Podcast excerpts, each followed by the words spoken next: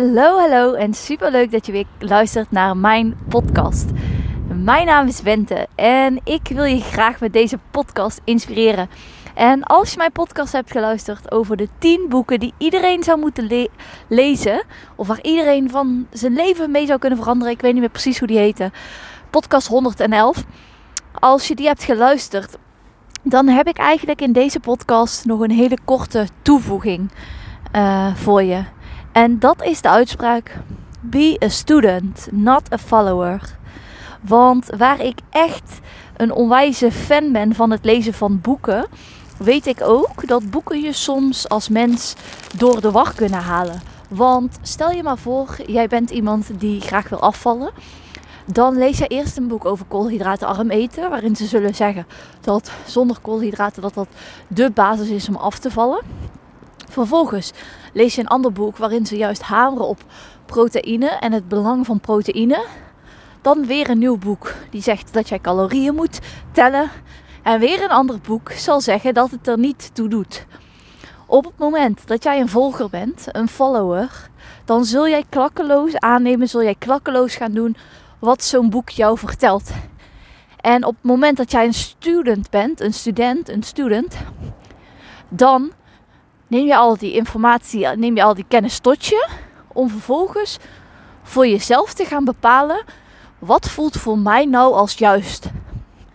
Wat namelijk heel vaak gebeurt, even stilstaan Wat namelijk heel vaak gebeurt, is dat op het moment dat wij als mensen iets op televisie zien van een bekend persoon, op het moment dat wij een boek lezen, dan klinkt dat in onze ogen heel vaak als de waarheid. En ik ben hier om te zeggen dat er niet zoiets als de waarheid is.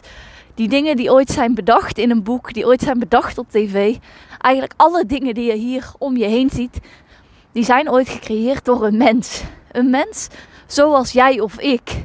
En net zoals wij onze bepaalde meningen hebben, hebben zij, die schrijvers, die producenten, die, uh, de, ook, ook de koninklijke familie, hebben zij bepaalde dingen ooit bedacht. En dat betekent niet dat wat zij zeggen fout is, maar dat betekent wel dat het ten alle tijden goed is om bij jezelf na te gaan en te voelen van hé, hey, maar wat is nou kloppend voor mij? Wat vind ik passen bij mij? Wat, wat zie ik mezelf doen? En daar heb ik ook eerder een podcast over opgenomen van als je het jezelf niet meer dan één keer ziet doen of niet langer dan een week ziet volhouden, als je het jezelf niet langer dan een, maand ziet doen, als je het jezelf niet langer dan een jaar ziet doen, start er dan niet aan. En nee, tuurlijk, dat is niet iets wat je altijd al zeker kunt weten voordat je eraan start.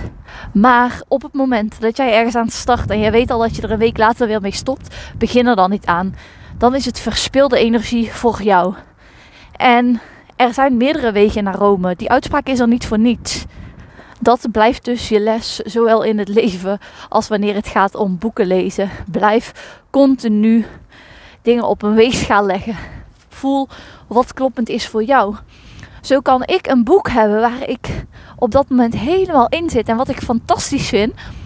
Wat ik vervolgens probeer te verkopen aan Kevin. Ik noem het verkopen in de zin van op het moment dat ik enthousiast ben, en dat herken je misschien ook wel in mijn podcast, dan wil ik dat graag delen. En ik wil ook aansporen, zeg maar, tot beweging. En soms leidt dat tot bewegingen, soms niet, of juist niet. En andersom is dat precies hetzelfde. Zeg maar, boeken die Kevin op dat moment leest, die zijn op dat moment echt voor hem van toepassing. En niet voor mij, misschien helemaal niet. En misschien gewoon niet op dat moment. En dat is dus heel goed om continu bij jezelf te bedenken van... Is dit voor nu het juiste boek, het, het juiste ding voor mij? Kan ik hier nu iets mee? En probeer ook op het moment dat je een boek leest, niet alles in één keer toe te passen, want dat is kansloos. Dat gaat niet. Dat is gedoemd om te mislukken. Probeer uit elk boek één of twee dingen te halen en leg het opzij. Markeer de dingen die je belangrijk vindt en pak het er later weer eens bij als het echt belangrijk is, als het echt impact heeft gemaakt op je, bewust of onbewust, dan zul je dat boek er vanzelf weer bij gaan pakken. En dan zul je vanzelf opnieuw gaan lezen. dan zul je vanzelf meer willen leren. Want dat is nou eenmaal zo. Op het moment dat we merken dat iets werkt, willen we daar als vanzelf meer mee. En met deze podcast, het is eigenlijk bijna geen podcast te noemen, zo kort als het is, met deze reminder wil ik je echt op het hart drukken.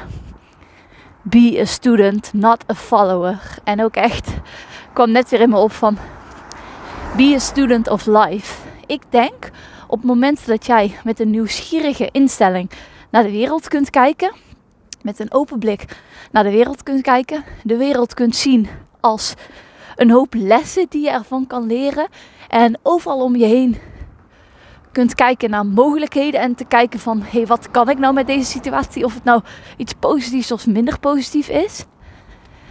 Ik, ik denk op het moment, de mensen die met zo'n instelling naar het leven kunnen kijken, die krijgen zoveel meer kansen op hun pad dan mensen die op een andere manier naar het leven kijken. En um, wat, nou moet ik aan een andere quote denken van Those who were seen dancing were called crazy by those who couldn't hear the music. Dus de mensen die aan het dansen waren, die werden voor gek verklaard door zij die de muziek niet konden horen. En dat is een beetje een metafoor voor het leven, want ik denk de mensen die een student van het leven zijn, de mensen die een student zijn en geen volger, dat zijn mensen met bepaalde visies. Mensen die dingen voor ogen zien, die ergens naartoe werken. En de andere groep mensen is de 90%, de 99% van de mensen die slapend is, die wacht tot wat het leven zich gaat brengen en wat het leven, het leven overkomt, hen, overkomt hen. En het is aan jou tot welke groep je wil horen en elke keuze is oké als jij er maar oké mee bent. En ja, ik weet wel dat ik dan niet bij de grote groep wil horen. Ook al is ook dat soms weer confronterend. Om niet bij de grote groep te horen. Maar daarover een andere keer meer. En daar ga ik hem nu afsluiten. Wees alsjeblieft een student van het leven. Be a student of life. And be a student and not a follower.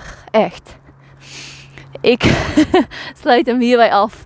Je merkt dat ik dit soort dingen leuk vind. Um, maar ik vond het super leuk dat je weer hebt geluisterd. En hopelijk tot morgen. Doei!